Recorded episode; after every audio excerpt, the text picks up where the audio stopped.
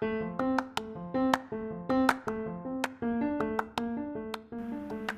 Sobat Tani, selamat datang di BPP Karanggayam Kebumen Podcast. Jumpa lagi dengan saya Ira di Selipan seputar liputan pertanian. Selamat mendengarkan.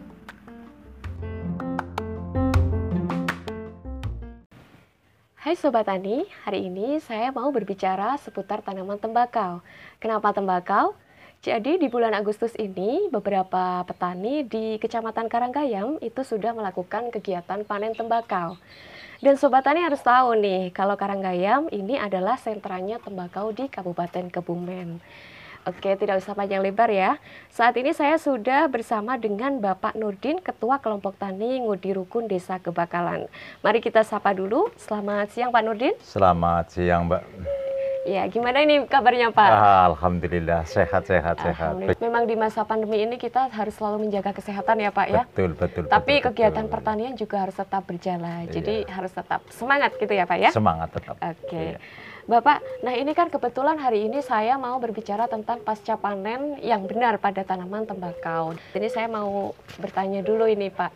Eh, Kira-kira menurut Pak Nurdin ini seberapa penting Pak atau penting apa tidak Pak pasca panen yang benar itu pada tanaman tembakau? Iya. Terima kasih.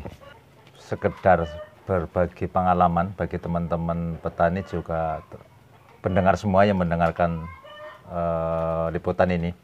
Pasca panen menurut saya adalah salah satu hal yang cukup vital karena itu akan men- apa, membuktikan nilai jual dari barang itu tersendiri itu kita harus eh, pasca panen penanganannya harus harus yang benar-benar siap mbak. Dari segi, dari segi pemetikan daun pengeraman sehingga sampai proses perajangan dan juga proses pengemasan itu sangat-sangat penting Ya. jelek dan baiknya itu tergantung pengolahan di pasca panennya Iya, berarti berhubungan dengan kualitas tembakau yang dihasilkan nanti ya Pak ya? Betul, betul, pasca betul. panen ini sendiri.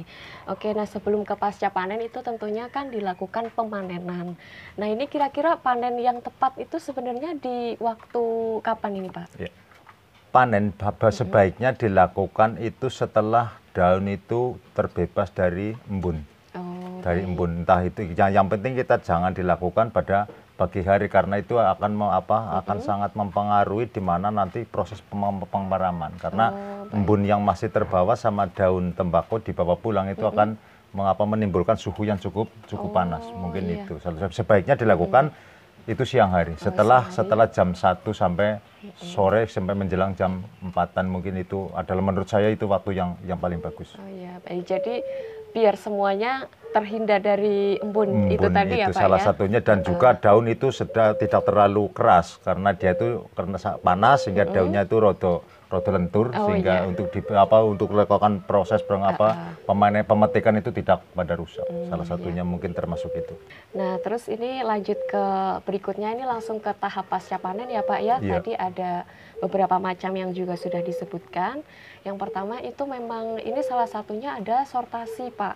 Kalau sortasi yang dilakukan di sini itu seperti apa Pak? Ya, terima kasih terkait sortasi di sini kita sortasi di- dilakukan sortasi di lahan. Nah, Artinya kita itu yang yang daun yang kita petik adalah daun yang benar-benar sudah siap untuk dipetik. Atau katakan kalau yang masih bisa ditahan sampai atau ya 2 sampai tiga hari ke depan itu tidak ada panen karena itu akan mempengaruhi nanti proses pengeramannya ada yang sudah matang dan ada yang belum daripada kita bermasalah di rumah Iya. lebih baik kita tinggal di lahan supaya lebih tua dulu baru Oh, kita iya. panen. Jadi itu juga bisa lebih efisien waktu Betul, ya Pak ya? kalau kita nyortir Ah, di rumah juga itu akan mema- apa, Memakan mem- waktu. memakan waktu kita tersendiri di rumah. Iya. Lebih baik kita tinggal saja, biarkan dulu dia itu bertahan di lahan. Ya, iya betul sekali. Ini kalau untuk pemeraman ini biasanya waktunya gimana Pak? Tergantung dari daunnya atau rata-rata berapa hari Pak? Kalau dibikin rata-rata itu ya rata-rata kita simpat sampai lima hari sudah siap. Tapi juga bukan berarti kita itu kalau mengeram tembakau itu sudah 4 sampai lima hari belum layak rajang. Kalau kita rajang kita juga harus memperli- apa, memperhatikan daun di lahan. Dulunya itu seperti apa? Dia itu sudah roto kuning atau masih Iya. hijau. Kadang ada yang maaf maaf itu kalau pupuknya berlebihan itu umur masa panen sudah harus sudah masuk artinya itu daun sudah tua tetapi tingkat hijauannya masih pekan nah itu mungkin bisa bisa mencapai 6 sampai 7 hari baru bisa matang baru bisa kita rajang, Mbak. Oh iya, baik. Ter- berarti tergantung dari itu tadi Iya, kematangannya kematangan ya, Pak ya. tingkat tingkat warna Tingkat- daun di di lahannya dulu. Ah, kita iya. perhatikan itu dulu. Baik. Nah, ini menuju ke tahap selanjutnya ini, Pak. Ini kan ada perajangan. Kira-kira perajangan yang baik itu waktunya kapan, Pak? Ya, terima kasih. Perajangan yang baik itu sebaiknya dilakukan pada pagi hari. Yang namanya perajangan tembakau, harapannya satu hari itu harus kering. Walaupun Oh, belum iya. kering 100%, kadar air itu harus mencapai 60%. Karena karena saking saking kalau kalau kita itu mengejar waktu otomatis kita pagi-pagi harus harus segera merajang. Harapannya jam 10 sampai jam tengah 11 itu harus sudah selesai perajangan sehingga dijemur sampai ya? sore itu penjemurannya Oh, masih ada ah, masih ada beberapa jam harapannya bisa mencapai 60% tingkat Oke. kekeringannya. Mungkin salah satunya itu yang Iya. jadi pertimbangannya. Baik, berarti pagi hari ya Pak ya, Iya. biar nanti bisa segera dijemur gitu. Eh, kalau untuk perajangan sendiri itu kan di sini juga ada ini Pak, beberapa sudah saya lihat itu ada yang masih manual, juga ada yang sudah dengan menggunakan mesin. Iya. Nah, katanya ini kalau secara manual ini pisaunya harus tajam ini Pak. Benar ya Pak ya? Sebetulnya bukan hanya manual, Mbak. Kedua-duanya pun harus tajam. Pakai mesin Oh, pun iya, harus baik. tajam, Ah. pakai manual pun juga harus tajam. Apalagi yang manual kalau tidak tajam nanti tenaganya tidak tedas sama uh, gulungan Oh, daun iya. tembakonya. Pada betul, pada Bapak. hakikinya adalah semua yang harus kita lakukan pesonya harus benar-benar Tajam. tajam. Karena nanti kalau pesonya tidak tajam, rasa tembakonya akan pahit. Oh, berbeda ya Pak ya, Berbeda sekali. berpengaruh di Berpengaruh di cita juga. rasa nanti, di kualitas tembakonya. Oke. Kalau tentang perbedaannya sendiri Pak ini, apakah lebih efisien atau gimana Pak? Ya. Atau nanti juga mempengaruhi rasanya Pak antara mesin dan hmm, manual? kalau mempengaruhi rasa saya pikir enggak. Hanya tergantung kembali ke tingkat ketajaman pisau itu tersendiri. Oh, kalau kita menggunakan mesin itu kalau pisaunya sudah sudah tumpul mas tetap dipaksa terus hasilnya pun tetap ya uh, ka- kata orang Jawa sini peruh lah. Nah kalau terkait efisien memang efisien di mesin tetapi eh, karena terketerbatasan mesin yang ada sehingga daripada nunggu-nunggu tetap manual pun Tetap tetap kita pakai manual, lakukan. ya. Oke, baik. Jadi biar sama-sama ya Pak ya? Iya sama-sama jalan karena kita juga mengejar waktu. Oh, Harusnya harapannya jam 10 sampai jam tengah 11 itu harus sudah terjemur. Iya. heeh. Kalau untuk ini Pak, lanjut ke proses pengeringan. Di sini kan pengeringan itu kan perlu pembalikan juga Pak. Iya. Ini waktu pembalikan yang tepat itu eh, di saat kapan Pak? Iya. Untuk yang pertama pembalikan, kita itu harus melihat tingkat kekeringannya yang yang katakan orang sini itu ba- bagian depan. Artinya yang yang pertama kita harus tingkat rodo rodo kering. Setelah Iya. rodo kering itu mungkin satu atau eh dua atau tiga jam eh, pertama itu harapannya sudah terbalik semua.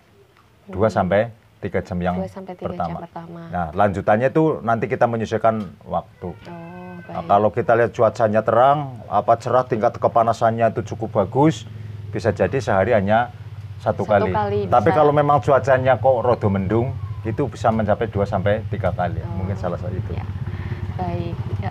Kalau untuk pengeringan sendiri ini gimana Pak caranya kita tahu bahwa oh ini tembakau udah kering nih gitu. Iya, iya. Itu ciri-cirinya kayak gimana itu Ya, Pak? terima kasih. Eh, biasa yang kami lakukan di sini karena kami tidak melakukan apa belum menggunakan tester apa namanya kar- kadar air itu Pak ancer-ancer kita dua hari dua hari kita jemur secara 100% harapannya kering. Nah untuk membuktikan itu kita lihat dari eh, tingkat kekeringannya. Kalau kita pegang rasanya kriik gitu rasanya Oh, krek kriuk gitu ya, Pak ya. krek gitu itu itu sudah pasti kering. Tapi kalau kita pegang kok masih, Masih lentur, iya, berarti belum dia ya, itu Pak, ya? belum dia, dia itu harus jangan apa jangan dilakukan penggulungan dulu, dia tetap harus di kita jemur iya. lagi walaupun kita sudah jemur dua hari, tetapi kalau dipegang rot rasanya rot empuk itu berarti belum kering. Kalau yang kalau sudah keras krek itu langsung patah hancur. Oh, lebih mudah hancur dan Iya, lebih it- mudah patah ah, itu ya Pak ya? Itu sudah ciri-cirinya sebagai Iya. tanda bahwa itu sudah tembakau kering. sudah kering. Oke. Nah, ini kalau eh, sebelum pengemasan itu Pak, berarti kan perlu dilemaskan dulu ya Pak ya, Iya, perlu iya, iya, dilayupkan iya. atau apa itu istilahnya tembakaunya. Itu biasanya memakan waktu berapa ini Pak? Itu tergantung cuaca sih Mbak. Kadang Oh. kalau kita itu yang kalau di sini namanya pan eh, apa namanya ya mendinginkan. Mendinginkan yang tadinya keras banget itu kita dinginkan harapannya supaya nanti kita gulung tidak patah. Itu kalau kita melihat cuaca. Kalau siangnya tuh cuacanya terlalu cerah, Ya. menjelang maghrib itu anginnya rodo kecil itu bisa mencapai jam 7 baru siap. Tapi kalau memang anginnya tuh rodo gede sehingga dia itu lebih cepat lebih cepat apa namanya ya lebih lebih cepat adem dingin itu maghrib harus segera kita lakukan penumpukan dulu Ini, jangan sampai oh. terkena embun embun malam. Oh gitu. Iya. Oke baik. Kalau untuk pengemasannya berarti biasanya dilakukan di malam hari ya Pak? ya? Iya, pengemasan Pengemasannya? dilakukan di malam hari karena karena ya mungkin satu kadang-kadang teman-teman itu ber, apa, gantian tempatnya, gantian regennya itu alat jemurnya. Oh, iya, Harapannya malamnya itu kita lakukan penggulungan, paginya regennya akan kita gunakan kembali. Oh gitu.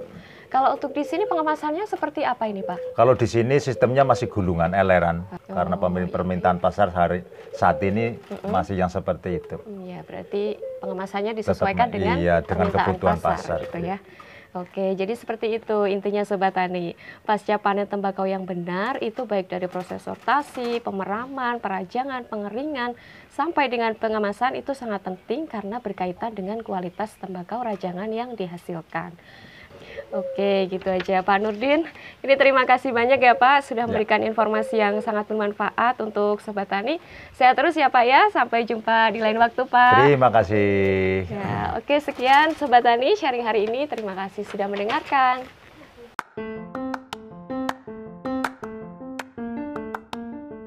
Jangan lupa kunjungi media sosial kami di YouTube dan podcast BPP Karanggayam Kebumen, di akun Instagram BPP underscore Karanggayam underscore Kebumen. BPP Karanggayam Kebumen, keren ora bain-bain. Terima kasih sudah mendengarkan, sampai jumpa, bye-bye.